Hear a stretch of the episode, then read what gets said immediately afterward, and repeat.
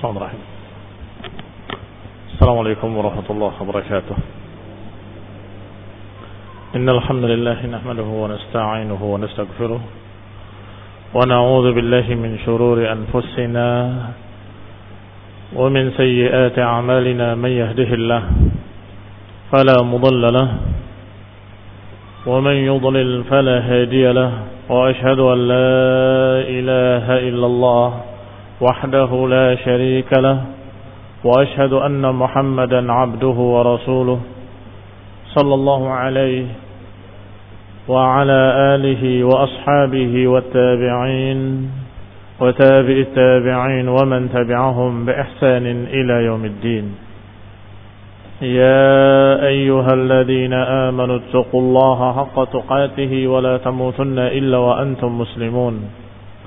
يا أيها الناس اتقوا ربكم الذي خلقكم من نفس واحدة وخلق منها زوجها وبث منهما رجالا كثيرا ونساء واتقوا الله الذي تساءلون به والأرحام إن الله كان عليكم رقيبا يا أيها الذين آمنوا اتقوا الله وقولوا قولا سديدا يصلح لكم أعمالكم ويكفر لكم ذنوبكم ومن يطع الله ورسوله فقد فاز فوزا عظيما. أما بعد فإن خير الحديث كتاب الله وخير الهدي هدي محمد صلى الله عليه وعلى آله وسلم وشر الأمور محدثاتها فإن كل محدثة بدعة وكل بدعة ضلالة وكل ضلالة في النار Ikhwani fi din, a'azakumullah, kaum muslimin yang saya hormati. Kita lanjutkan kajian kitab Tahdhib Sirah Ibn Hisham. Ringkasan Sirah Ibn Hisham rahimahullah. Sampai pada ucapan beliau, "Falamma balagha Muhammadun Rasulullah sallallahu alaihi wa ala alihi wasallam 40 sanah, ba'athahu Allah rahmatan lil alamin wa kafatan lin nasi Nabi Muhammad Rasulullah sallallahu alaihi wa ala alihi wasallam mencapai umur 40 sana mencapai umur 40 tahun ba'athahu rahmatan lil alamin maka Allah utus sebagai rahmat untuk seluruh alam wa kafatan lin nasi lin nasi basyiran wa nadhira dan untuk seluruh manusia. Basyiran wa nadhira, pemberi kabar gembira dan memberi peringatan. Wa kana Allah tabaraka wa ta'ala qad akhadha al-mitsaq ala kulli nabiyyin. Dan Allah Subhanahu wa taala telah mengambil mitsaq, perjanjian terhadap setiap nabi. Ba'athahu qablahu. Setiap nabi yang diutus sebelumnya bil imani bihi. Yaitu perjanjian dengan iman kepadanya wa tasdiqi lahu dan membenarkannya wa nasri lahu ala man khalafahu. Dan akan memenangkannya memenangkan untuknya atas orang-orang yang menyelisihinya. Ini Allah Subhanahu wa taala sudah memberikan janji-janji kepada setiap nabi yang diutus bahwa perjanjian tersebut adalah hendaklah dia beriman dan membenarkan dan kemudian Allah SWT memberikan kemenangan kepadanya. Wa alaihim an yu'addu dhalika ila kulli man amana. Dan juga diperintahkan akhadha alaihim maknanya perjanjian yang diwajibkan atau perintah yang diwajibkan. Akhadha alaihim Allah wajibkan pula atas mereka para anbiya. An yu'addu dhalik untuk menyampaikan risalah tersebut. Ila kulli man amana bihim wa saddaqahum. Kepada mereka-mereka yang mau beriman kepadanya dan yang mau membenarkannya. Fa'addu min dzalika ma kana alaihi min al-haqq fihi dan menunaikan dari semua itu yang merupakan beban atas mereka dari kebenaran-kebenaran padanya. Ini menyampaikannya dan menunaikannya atas mereka. Demikian seluruh para anbiya termasuk nabi kita Nabi Muhammad sallallahu alaihi wa ala alihi wasallam juga diutus dengan mitsaq dengan perjanjian agar beliau beriman kepadanya dan membenarkannya dan kemudian mendakwahkannya kepada orang lain dan juga menunaikannya. Diriwayatkan dari Aisyah radhiyallahu taala anha, "Inna awwal ma budi'a bihi Rasulullah sallallahu min an-nubuwah hina arada Allah karamatahu wa rahmatal ibad bihi ar-ru'ya as-sadiqah." Kata Aisyah radhiyallahu taala anha, awal pertama dimulainya Rasulullah sallallahu alaihi wa alihi wasallam menjadi nabi, eh, dimulainya kenabian Rasulullah sallam ketika Allah ingin memuliakannya. Ketika Allah ingin memberikan rahmat untuk para hamba dengan diutusnya seorang rasul, maka awal pertama yang Allah berikan adalah ar-ru'ya as-sadiqah. Berarti sebelum wahyu, sebelum wahyu di Gua Hira, Rasulullah SAW diberi oleh Allah SWT tanda-tanda kenabian yang pertama, yaitu ar-ru'ya as-sadiqah, mimpi yang benar. La yara Rasulullah sallallahu alaihi wa ala alihi wasallam ru'ya fi naumihi illa ja'at kafalak as-subhi. Tidaklah Rasulullah SAW bermimpi dengan satu mimpi kecuali datang dalam kenyataan persis seperti cahaya subuh terang seperti cahaya pagi. Ya, ini semua yang diimpikan Rasulullah SAW terjadi. Ini menunjukkan tanda-tanda kenabian beliau alaihi salatu wassalam. Wa habbaballahu ta'ala ilaihi al-khalwah. Setelah itu Allah jadikan Rasulullah SAW suka untuk berkhalwat. Berkhalwat artinya bersendirian. Bersendirian untuk bermunajat kepada Allah, untuk beribadah dengan peribadatan dari nabi-nabi terdahulu. Ini Allah takdirkan Rasulullah SAW sebelum menjadi nabi sudah suka khalwat dan Allah jadikan beliau suka untuk bersendiri. Falam yakun syai'un ahabba ilaihi min an yakhluwa wahdahu. Maka tidak ada yang paling beliau sukai kecuali untuk menyendiri wahdahu. Menyendiri ini adalah ibadah. Ibadah kepada Allah Subhanahu wa taala dengan apa yang diketahuinya dari nabi-nabi terdahulu. Bukan menyendiri dalam artian begitu saja menyendiri, ngelamun bukan, tetapi beribadah. Wan Abdul Malik ibn Ubaidillah diriwayatkan dari Abdul Malik ibn Ubaidillah bahwa Rasulullah sallallahu alaihi wa ala alihi wasallam hina aradahu Allah bi karamatihi wa ibtada'ahu bin nubuwati kana idza kharaja li hajatihi ab'ada hatta tahassara anhu al buyut bahwasanya Rasulullah sallallahu alaihi wa ala alihi wasallam hina aradahu ketika Allah inginkan dia bikaramatihi. Allah inginkan untuk mendapatkan karamah wabtada'ahu bin nubuwah dan Allah ingin menjadikan dia menjadi nabi pada permulaan kenabiannya karena idza kharaja li hajatihi bahwa Rasulullah SAW ketika keluar untuk hajatnya seperti biasanya yakni menyendiri di gua Hira ab'ada beliau setiap ingin menunaikan hajat beliau menjauh. Menjauh, menjauh, menjauh dari rumah-rumah penduduk. Dan demikian kebiasaan beliau secara akhlak.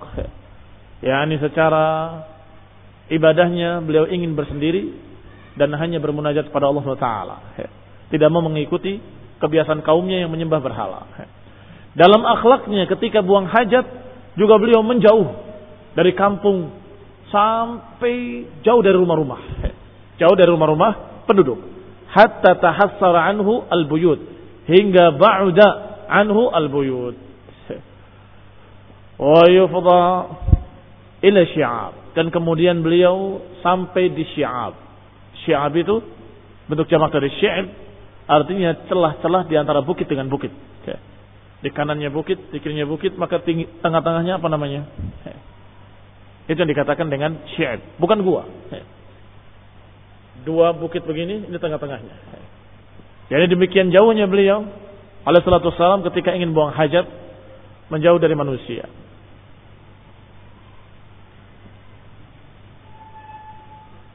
Ila syi'abi Makkah sampai di uh, dekat-dekat bukit Makkah wabutun audiyatiha atau di perut-perut wadi di lembah-lembah. Fala yamurru Rasulullah SAW bihajarin wala syajar. Maka ketika itu Rasulullah SAW sendirian berjalan ingin menunaikan hajatnya. Maka Rasulullah tidak melewati batu ataupun pepohonan kecuali semuanya memberikan salam. Assalamu alayka ya Rasulullah. Pohon memberi salam kepadanya, Demikian pula batu-batu memberikan salam kepadanya. Assalamu alayka ya Rasulullah. Fayaltafitu Rasulullah. Maka Rasulullah menengok. Melihat siapa yang mengucapkan salamu alayka ya Rasulullah. Yaltafit Rasulullah sallam haulahu. Menengok ke sekitarnya, ke kanannya. An yaminihi, wa shimalihi, wa khalfihi. Ke kirinya, ke kanannya, ke belakangnya. Fala yara illa syajar wal hijarah. Maka Rasulullah SAW tidak melihat kecuali pohon-pohonan dan batu-batuan. Demikianlah keadaan Rasulullah Sallallahu Alaihi Wasallam di awal-awal ketika akan menjadi nabi, mendapatkan berbagai macam karamah, mukjizah yang Allah berikan sebagai kemuliaan. Allah berikan sebagai karamah yang memuliakan beliau sebagai calon Rasul Sallallahu Alaihi Wasallam. Famakatha Rasulullah SAW kadalika yara wa yasma' Demikianlah berjalan Rasulullah SAW dalam keadaan beliau melihat dan mendengar Masya Allah, sekehendak Allah sesuatu yang ajaib, sesuatu yang menakjubkan. Masya Allah an yamkuth. Yani sekehendak Allah Subhanahu wa taala berlangsung seperti itu sampai ja'ahu Jibril alaihi salam bima ja'ahu min karamatillahi wa huwa bihira'in fi syahri Ramadan. Maka Nabi SAW mulai menyendiri di salah satu dari gua-gua tersebut atau gua-gua yang ada di perbukitan tadi yang dijuluki dengan Ghar Hira. Ketika Allah SWT ingin mengangkatnya menjadi seorang Rasul, menjadi seorang Nabi, maka datang Jibril alaihi salam. Bima ja'ahu min karamatillah. Dengan apa yang dibawanya? Yaitu dari ke rahmat Allah rahmat dari Allah Subhanahu wa taala, kemuliaan dari Allah Subhanahu wa taala. Wa huwa bihira'in dan beliau dalam keadaan di gua Hira. Fi syahri Ramadan. Di bulan Ramadan. Demikian dikisahkan oleh Abdul Malik Ibn Ubaidillah diriwayatkan pula dari Ubaid Ibn Umair bahwasanya Rasulullah sallallahu alaihi wa ala alihi wasallam yujawiru fi hira'in min kulli sanatin syahran Rasulullah SAW menyendiri di gua Hira itu setiap tahun satu bulan. Fi kulli sanatin syahran. Wa kana dhalika mimma tahannatha bihi Quraisyun fil jahiliyah. Dan bahwasanya dilakukan oleh Rasulullah SAW adalah ma tahannatha bihi Quraisyun fil jahiliyah. Yaitu apa yang dikerjakan oleh Quraisy di zaman jahiliyah yang disebut dengan tahannus Tahannus adalah kata lain dengan makna yang sama yaitu ta'abbud. Ya ta'abbad beribadah kepada Allah SWT. Subhanallah, Allah berikan ilham sebelum wahyu. Bahwa Rasulullah SAW tidak mengikuti kesyirikan-kesyirikan musyrikin, tidak meniru kelakuan-kelakuan mereka yang zalim dan syirik dan bidah. Tapi yang dilakukan oleh Rasulullah SAW adalah salah satu dari perbuatan mereka yang merupakan peribadatan kepada Allah saja. Maka itu ditiru oleh Rasulullah SAW. Yaitu mengingat Allah, berzikir kepada Allah, memuji Allah di gua Hira. Maka disebutkan di sini mimma tahannatsa bihi Quraisyun fil jahiliyah, yaitu apa yang biasa dilakukan oleh peribadatan-peribadatan musyrikin di zaman jahiliyah. Hanya saja musyrikin melakukannya di hadapan berhala-berhala. Hanya saja musyrikin melakukannya tidak hanya kepada Allah saja, tapi juga kepada berhala. Adapun Rasulullah SAW hanya melakukannya untuk Allah saja, tidak untuk yang lain. Fakana yujawiru dzalika syahr min kulli sana. Maka beliau oleh salatu wassalam biasa mendatanginya, yujawir, ini mendatangi tempat tersebut pada setiap bulannya min kulli sana. Pada setiap bulan, setiap tahunnya. Yut'im man ja'ahu minas salikin. Dan beliau memberi makan orang-orang yang lewat yang kebetulan lewat dari tempat beliau atau lewat melewati tempat beliau. Berarti musafirin. Faidah kau Rasulullah sallallahu alaihi wa ala alihi wasallam jiwarahu min syahri. mau min syahri dzalik kana awal ma yabtadi bihi idan sarafa min jiwaril Ka'bah, min jiwarihi al-Ka'bah. Dan bahwasanya kalau Rasulullah SAW selesai dari tahannusnya, dari ibadahnya di Gua Hira satu bulan penuh, karena awal mayabda bihi, maka pertama beliau mendatangi idan sarafa min jiwari, kalau beliau pulang dari jiwarnya dari peribadatannya di Gua Hira, maka yang pertama didatangi adalah Al-Ka'bah sebelum datangi rumahnya. Mendatangi Ka'bah. Qabla an yadkhula baitahu, sebelum mendatangi rumahnya. Beliau mendatangi Ka'bah lebih dulu. Fayatufa biha sab'an. Beliau tawaf tujuh kali tawaf. Aw masya Allahu min dalik atau tawaf sekehendak Allah yang Allah kehendaki. Tsumma yarji ila baitihi baru setelah itu beliau pulang ke rumahnya sallallahu alaihi wa ala alihi wasallam. Begitu selalu. Setiap beliau bertahannus satu bulan, maka ketika berakhir bulan itu dia pulang dan pertama beliau datangi adalah Ka'bah. Kemudian tawaf, setelah tawaf baru pulang. Nanti tahun berikutnya lagi, begitu lagi.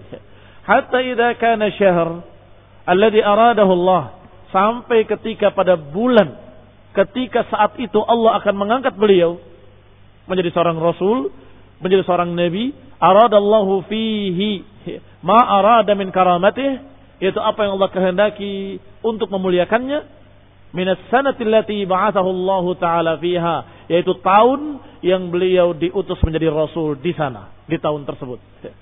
Wadzalika syahr syahr Ramadan. Dan kebetulan bulan itu adalah bulan Ramadan. Rasulullah kembali ke Gari Hira, ke Gua Hira untuk bertahannus kembali. Maka saat itu kharaja Rasulullah sallallahu alaihi wa ala alihi wasallam ila Hira'in. Rasulullah berangkat ke Hira sebagaimana biasanya, kama kana yakhruj li jiwarih, sebagaimana beliau keluar ke sana setiap tahunnya. Wa ma'ahu ahluhu dan bersamanya keluarganya hatta idza kanatil lailah allati akramahu Allah sampai ketika malamnya di malam ketika Rasulullah SAW akan dijadikan sebagai rasul fiha birisalatihi untuk diberikan risalah padanya ja'ahu Jibril. Datang kepadanya Jibril. Bi amrillahi taala dengan perintah dari Allah Subhanahu wa taala. Qala Rasulullah SAW menceritakan dirinya. Ketika datangnya Jibril dalam keadaan beliau belum mengetahuinya. Siapa yang datang itu? Faja'ani Jibril, kata Nabi, waktu itu datang kepadaku Jibril.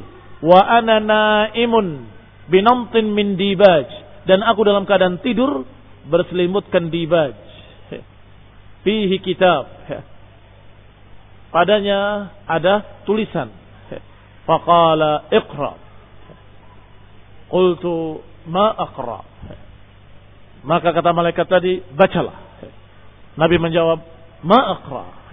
Atau dalam riwayat, ma ana biqari. Aku bukan orang yang bisa membaca. Qala fana'atani faghan faghattani bih. Kemudian didekaplah aku dengan keras. Hatta dhanantu anni annahul maut. Sampai aku menduga bahwa inilah kematian.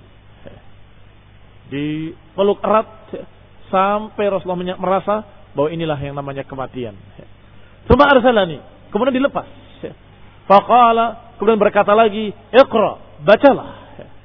Qultu, "Ma aqra?" Aku tidak bisa membaca. Atau dalam riwayat, "Ma ana biqari." Aku tidak dapat membaca. Faghattani dan kembali aku didekap dengan keras hatta dhanantu annahu al-maut sampai aku mengira bahwa inilah kematian. Thumma arsalani. Kemudian dilepas lagi aku. Faqala, maka yang ketiga kalinya diperintah, Iqra. Fakultu, aku katakan lagi, ma, mada aqra? Apa yang aku baca? Faghattani bihi, maka aku didekap kembali. Dengan keras, hatta dhanantu annahu maut hingga aku mengira bahwa aku akan mati. Thumma arsalani, faqala Iqra. Setelah dilepaskan, kemudian berkata lagi, bacalah. Fakultu mada akra. Apa yang aku baca? Faqala iqra bismi rabbika alladhi khalaq. Ketika menjawab dengan kalimat ma akra. Aku tidak membaca. Aku tidak membaca. Maka didekap kembali. Dilepas, didekap, dilepas. Sampai Rasulullah SAW mengatakan, apa yang harus aku baca?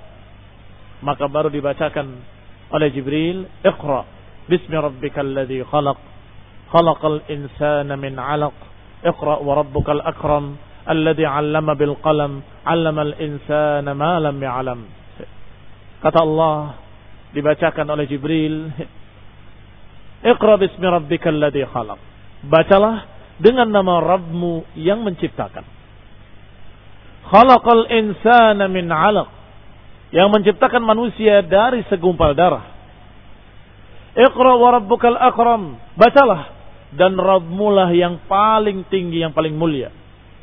Alladhi 'allama bil qalam, yaitu yang mengajarkan dengan pena.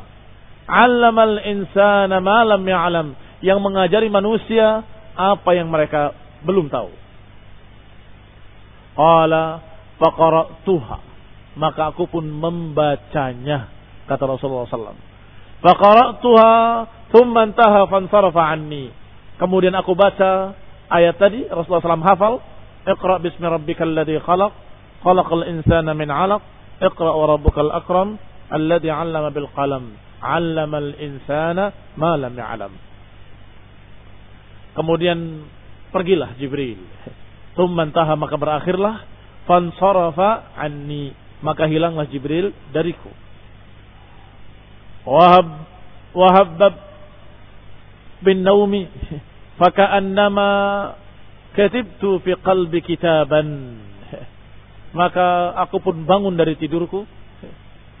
Ini seakan-akan beliau tidak merasakan apa-apa sebelumnya. Faka'annama katibat fi qalbi kitaban. Seakan-akan tertulis tulisan di hatiku.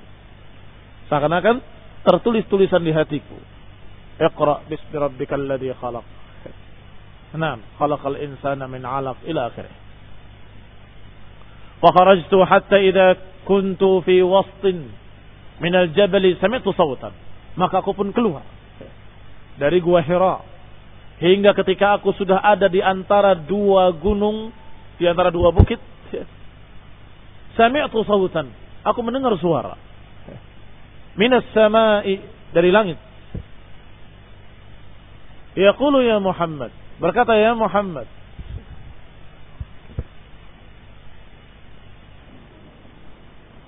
Kemudian Rasulullah SAW menyatakan, seakan-akan tertulis dalam hatiku, Iqra bismi rabbika alladhi khalaq.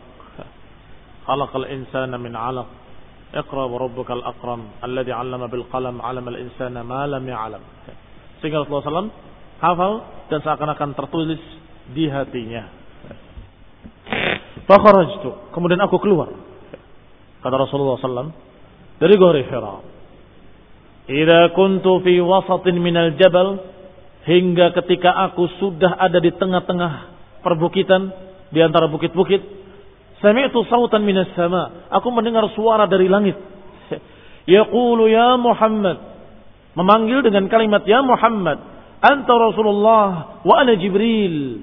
Wahai Muhammad, engkaulah Rasulullah dan aku adalah Jibril. Farafa'tu ra'si ila sama. Maka aku mengangkat kepalaku ke langit. Anzur, aku melihat suara dari mana itu dan siapa yang berbicara. Faida Jibril fi surati rajulin. Maka tiba-tiba Jibril dalam keadaan berbentuk manusia. Safa qadamaihi fi ufuqis sama. Yaqul ya Muhammad anta Rasulullah ana Jibril. Jibril dalam bentuk manusia dalam keadaan kedua kakinya di ufuk langit tidak menginjak apa pun. Yaqul dengan berkata ya Muhammad anta Rasulullah wa ana Jibril. Wahai Muhammad engkaulah Rasulullah SAW dan aku adalah Jibril. Fawaqaftu anzur ilaihi fama ataqaddam wa ma ataakhir maka aku pun berhenti dan aku melihat aku tidak maju dan aku tidak mundur aku diam وجعلت أصرف وجهي عنه في أفق السماء فلا أنظر في ناحية منها إلا رأيته كذلك maka aku pun memalingkan wajahmu ke segala arah aku palingkan ke segala arah wajahku aku lihat ke kanan ke kiri ke belakang dan tidak aku mengarah kemanapun kecuali aku melihat sosok tadi Jibril dalam bentuk manusia yang tidak nginjak apapun di awang-awang. Nah, Fala andur fi nahiyatin minha illa ra'aituhu kadzalik. Maka tidaklah aku melihat ke arah mana pun kecuali aku melihat sosok tersebut. Fama ziltu waqifan ma ataqaddam amami wa ma arji'. Maka aku terus diam. Berdiri tidak maju ke depanku dan tidak pula mundur ke belakangku. Wa ma arji'u wara'i. Hatta ba'athat Khadijah rusulaha fi talabi. Hingga datanglah Khadijah dengan mengirim utusan untuk mencariku. Khadijah istri beliau sallallahu alaihi wa ala alihi wasallam wa radhiyallahu taala anha mengirim utusan untuk mencari Rasulullah sallam. Fabalagu a'la Makkah wa raja'u ilaiha wa ana waqifun fi makani dzalika thumma insarafa anni. Dalam keadaan ketika utusan yang diutus oleh Khadijah untuk mencari Rasulullah sallam, maka mereka sampai di a'la Makkah sampai di tempat tertinggi Mekah waraja'u ilaiha dan kembali kepada Khadijah. Dalam keadaan melihat Rasulullah SAW tetap berdiri di sana. Fi makani dhalik di tempatku tersebut. Masih aku berdiri dengan mendengarkan suara Jibril dan terheran-heran melihat ke arah seluruh arah seluruh ufuk dan dia melihat Jibril dalam keadaan membentuk sosok manusia Summan sarafa anni. Kemudian hilanglah dariku. Wan saraftu raji'an ila ahli. Hatta ataitu Khadijah. Maka aku pun pulang. In saraftu raji'an. Aku berangkat untuk pulang ila ahli. Ke keluargaku. Hatta ataitu Khadijah. Hingga aku mendatangi Khadijah di rumah. Fajalastu fi fakhidhiha. Maka aku pun bersandar atau duduk bersandar di pangkuan Khadijah atau di paha Khadijah mudhifan ilaiha faqalat ya Abul Qasim. Maka Khadijah berkata kepadanya wahai Abul Qasim aina kunt? Wahai Abul Qasim ke mana kamu? Wallahi laqad ba'astu rusuli fi talabika. Sungguh aku telah mengirim utusan-utusanku untuk mencari kamu ke sana kemari hatta balagu Makkah wa raja'u ilayya sampai mencapai puncak tertingginya Makkah dan kembali ke sini tidak menemui kamu Thumma haddastuha billadhi ra'aitu. Kata Nabi SAW kemudian aku ceritakan kepada Khadijah seluruh apa yang terjadi padaku. Dari pertama datangnya Jibril yang mendekapnya atau datangnya sesosok yang memerintahkan untuk membaca Iqra sampai Rasulullah menyatakan ma'ana biqari ma'ana biqari ma'ana biqari sampai kemudian Iqra bismi rabbikal ladzi khalaq khalaqal insana min 'alaq yang kemudian seakan-akan terpatri di hati Rasulullah Sallallahu Alaihi Wasallam. Sampai kemudian Rasulullah SAW menceritakan pula bagaimana beliau melihat Jibril dalam bentuk manusia yang berada di langit. Kedua kakinya tidak menginjak apa pun di ufuk langit. Maka Jibril menyatakan ana Jibril wa anta Rasulullah. Sejak itu baru Rasulullah SAW sadar bahwa itulah yang dikatakan Jibril. Ketika diceritakan seluruhnya kepada Khadijah, maka Khadijah menjawab, Qalat abshir yabna am wasbut. Bergembiralah wahai anak pamanku dan tenanglah. Wasbut yakni tenanglah engkau. Jangan gelisah. Fawalladhi nafsu Khadijah biyadih. Demi Allah yang jiwa Khadijah ada di tangannya. Inilah arju an takuna nabiyya hadhil ummah. Aku berharap bahwa engkaulah nabinya umat ini. Khadijah adalah seorang dari salah satu hunafa. Salah satu hunafa. Sebagaimana sudah disinggung pada kajian-kajian lalu, bahwa hunafa adalah orang-orang di zaman jahiliyah yang sudah memiliki prinsip tauhid. Di antara hunafa adalah Khadijah dan Abu Bakar yang sangat kita kenal. Yang tidak sempat menemui Rasulullah SAW ada yang disebut dengan panggilan Zaid. Ini pula yang dikatakan dengan hunafa, tapi tidak sempat bertemu dengan Rasulullah SAW. Dan masih banyak lagi yang dikatakan oleh Abu Bakar, sungguh aku tidak pernah meletakkan jidatku di tanah untuk berhala satu kali pun. Demikian pula Khadijah dan beberapa hunafa lainnya yang tentu jumlahnya sangat sedikit bisa dihitung dengan jari. Maka Khadijah sering bertanya-tanya kepada pamannya yang juga mengerti kitab dan bisa membaca kitab-kitab Ibrani. Sehingga beliau langsung menduganya dengan husnul dan menyatakan tenanglah wahai suamiku. Jangan gelisah. Abshir, bergembiralah. Sungguh aku berharap engkau akan menjadi seorang nabi di umat ini. Waraja'at Khadijatu ila Rasulullah sallallahu alaihi wasallam fa akhbartuhu biqauli Waraqah. Ini yang kelewat. Nah. Thumma qamat fajama'at 'alaiha thiyabaha. Maka bangkitlah Khadijah dan kemudian memakai pakaiannya semuanya secara lengkap. Thumma talaqat ila Waraqah ibni Naufal. Kemudian berangkat menemui Waraqah ibni Naufal. Wa huwa ibnu ammiha dan Waraqah adalah anak pamannya Khadijah sendiri. Wa kana Waraqah tanassar wa qara al-kitab. Dan Waraqah menjadi Nasrani dan bisa membaca kitab-kitab. Wa qara al-kutub. Wa sami'a min ahli Taurat wal Injil. Bahkan dia belajar mendengar ilmu dari Nasrani ataupun dari Yahudi. Min ahli Taurat dan ahli Injil. Ahli Taurat adalah Yahudi, ahli Injil adalah Nasrani. Fa'akhbarathu bima akhbaraha bihi Rasulullah. Maka Khadijah menghabarkan kepada Waraqah apa yang didengarnya dari Rasulullah sallallahu alaihi wa ala alihi wasallam. Annahu ra'a wa sami'a bahwa Nabi pernah mendengar begini, melihat begini, melihat begitu dan mendengar begitu. Faqala Waraqah, maka Waraqah bin Naufal berkata, Quddus, Quddus. Walladhi nafsi Waraqah biyadih. Sungguh demi jiwa Waraqah yang Demi Allah yang jiwa warakah ada di tangannya. La in kunti sadaktini kalau engkau jujur kepadaku memang terjadi seperti itu ya Khadijah laqad ja'ahun namusul akbar sungguh telah datang kepadanya namus yang paling besar. Namus yakni malaikah. Alladzi kana ya'ti Musa yaitu yang datang kepada Musa. Sedangkan namusul akbar adalah Jibril alaihi salam.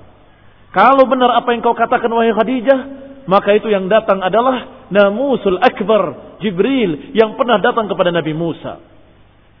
Wa innahu lanabiyyu hadhil ummah dan sungguh beliau berarti adalah seorang nabi di umat ini. Faquli lahu hal yasbut. Katakan kepadanya, tenanglah. Katakan kepadanya untuk tenang dan tenteram, untuk yasbut, jangan gelisah, jangan goyah untuk tetap istiqamah. Faraja'at Khadijatu ila Rasulullah sallallahu alaihi wasallam fa Waraqah. Maka pulanglah Khadijah menemui Rasulullah SAW dan kemudian mengkabarkan kepada beliau tentang apa yang diucapkan oleh Waraqah.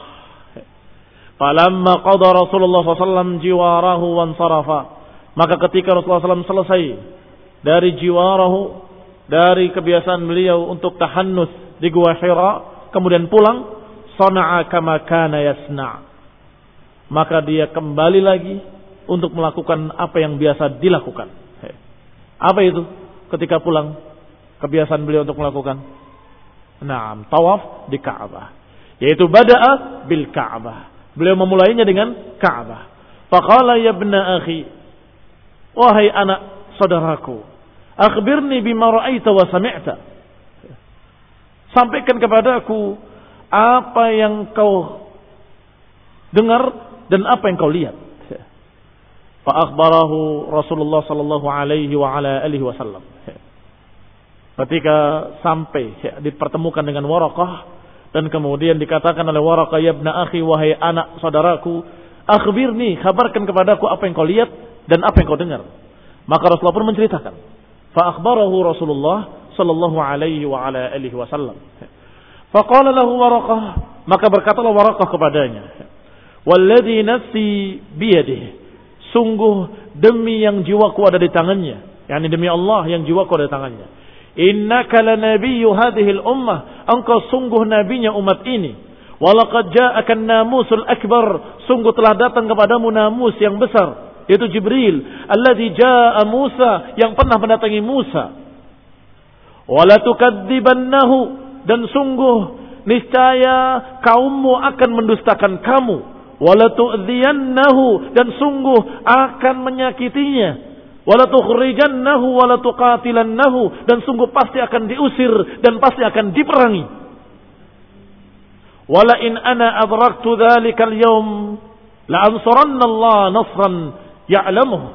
Kalau saja aku sempat menemui dia ketika dia diusir ketika dimusuhi dan diperangi niscaya aku akan membela agama Allah nasran muazzara atau nasran ya'lamuh dengan pertolongan yang Allah ketahui nanti.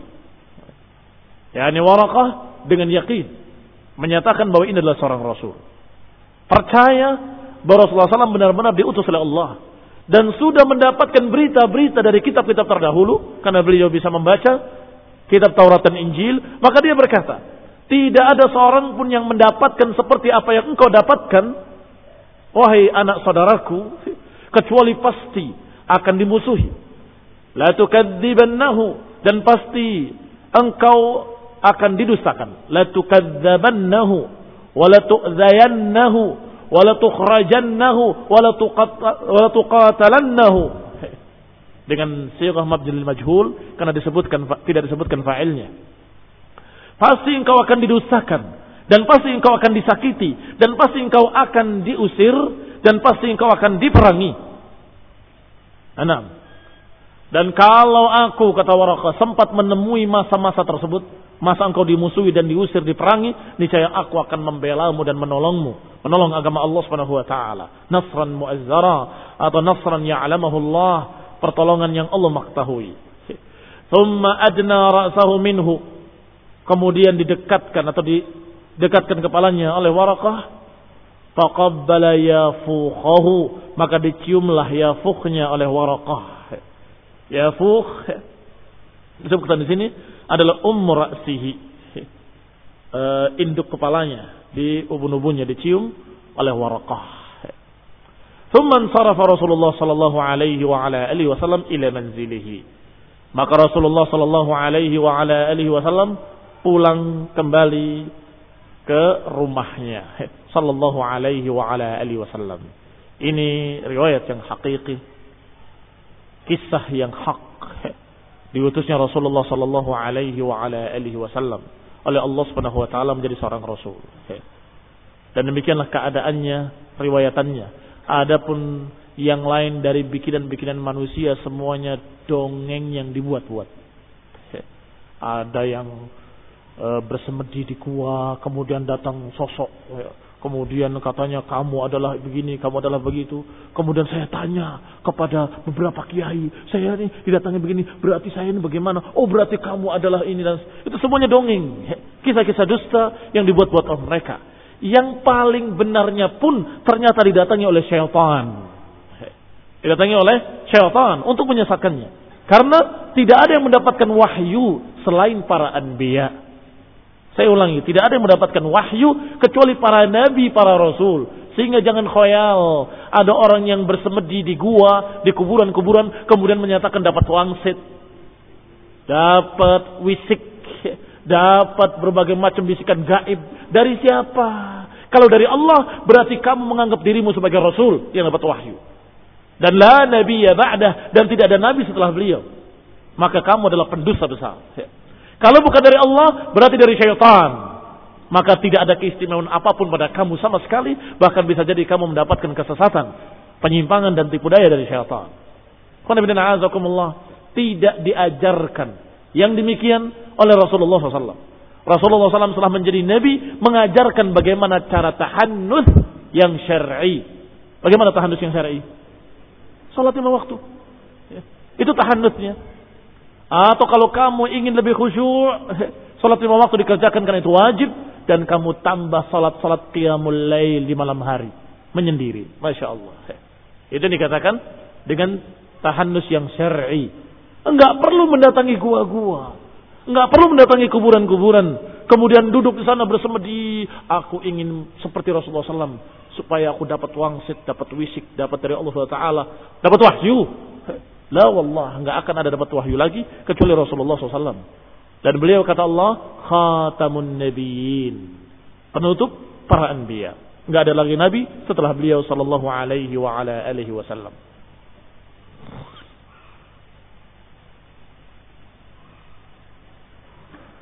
Fabtudi'a Rasulullah SAW bitanzili fi syahri Ramadan. Berarti Rasulullah SAW dimulai diangkat atau mulai diangkatnya menjadi seorang nabi adalah di bulan Ramadhan yang diturunkan padanya ayat pertama yaitu Iqra bismi rabbikal ladzi khalaq khalaqal insana min 'alaq Iqra wa rabbukal akram alladzi 'allama bil qalam 'allama insana ma lam ya'lam. Yaqulu Allah 'azza wa jalla Allah 'azza wa jalla berfirman syahrul ramadhan alladzi unzila fihi al-qur'anu hudan lin-nasi wabayinatin minal huda wal furqan. Bulan Ramadhan yang diturunkan padanya Al-Qur'an sebagai bimbingan bagi manusia dan keterangan yang jelas dan hidayah dan juga Al-Furqan, pembeda yang membedakan mana hak mana yang batil. Wa qala ta'ala dan juga Allah berfirman, "Inna anzalnahu fi lailatul qadr." Sungguh kami menurunkannya pada malam Lailatul Qadar. Wa ma adraka ma Lailatul Qadar? Dan tahukah kamu apa itu Lailatul Qadar? Lailatul Qadri khairun min alfi syahr. Bulan Ramadan, uh, Lailatul Qadar adalah malam yang lebih keutamaannya dari seribu bulan. Tanazzalul malaikatu warruhu fiha. Turun para malaikat dan ruh. Ruh adalah Jibril turun para malaikat dan Jibril fiha pada malam tersebut biidni rabbihim dengan izin Rabb mereka min kulli amr dari segala macam urusan-urusan dan perintah-perintah salamun hiya hatta matla'il fajr demikianlah keadaan malam tersebut salam hingga terbitnya fajar ini malam Lailatul Qadar tidak ditentukan dengan pasti oleh Rasulullah SAW Apakah tanggal 17 atau 18 atau 19? Tanggal 1 atau tanggal 30? Di awal atau di akhir? Tidak ada. Yang ada adalah berita-berita Rasulullah SAW. Carilah di 10 hari terakhir. Atau carilah di malam-malam ganjil dari awal sampai akhir. Adalah kalimat-kalimat yang menunjukkan bahwa itu tidak pasti. Sehingga bagaimana mungkin akan bisa dirayakan tanggal 17. Oh ini nuzulul Quran. Di bulan Ramadan, naam. Ada riwayatnya, ada kisahnya, ada ayat-ayat yang turun yang menunjukkan bahwa diturunkannya adalah bulan Ramadan. Jelas. Tetapi kepastian tanggalnya tidak ada. Barakallahu fikum. Ya. Wa qala Allah Ta'ala Hamim wal kitabil mubin inna anzalnahu fi lailatin mubarakatin inna kunna mundirin fiha yufraqu kullu amrin hakim amran min indina inna kunna mursilin. Perhatikan. Ayat di dalam surat yang berikutnya ini malah lebih mengarah kepada diutusnya Rasulullah SAW. Yaitu Hamim. Demi kitab Al-Mubin. Kitab yang sangat jelas. Inna anzalnahu fi lailatin mubarakah. Kami menurunkannya di malam yang penuh berkah. Sungguh kami adalah pemberi peringatan. Fiha yufraku kullu amrin hakim. Di sana diputuskan setiap urusan-urusan dengan bijak. Dengan penuh hikmah. Amran min indina. Satu perintah dari sisi kami, kata Allah. Inna kunna mursilin. Dan sungguh kami adalah kami adalah yang mengutus. Inna kunna mursilin. Artinya di malam itu pula diangkatnya Rasulullah SAW menjadi seorang Rasul. Inna kunna mursilin kami yang mengutus. In kuntum amantum billahi wa ma anzalna ala abdina yaumal furqan yaumal taqal jam'an wa dzalika multaqa Rasulullah sallallahu lil musyrikin bi badrin. Dan juga dikatakan oleh Allah Subhanahu wa taala, "In kuntum amantum billah" Dan jika kalian beriman kepada Allah, wa ma anzalna ala abdina dan apa yang diturunkan kepada hamba-hamba kami yaitu yaumal furqan pada hari furqan, hari pemisahan hak dengan batil. Yaumal taqal jam'an ketika bertemunya dua golongan. yakni golongan muslimin dengan kufar. Wa dzalika multaqa Rasulullah sallallahu lil Nabi Badr, yaitu ketika bertemunya dua pasukan antara Rasulullah SAW dengan muslimin dan melawan musyrikin. Khonifrina azakumullah yaitu di kejadian Badr. Sehingga dikatakan bahwasanya Rasulullah SAW diberikan oleh Allah SWT wahyu dan diberikan Al-Quran dan juga diberikan Al-Furqan. Ini semua julukan-julukan bagi kitabullah.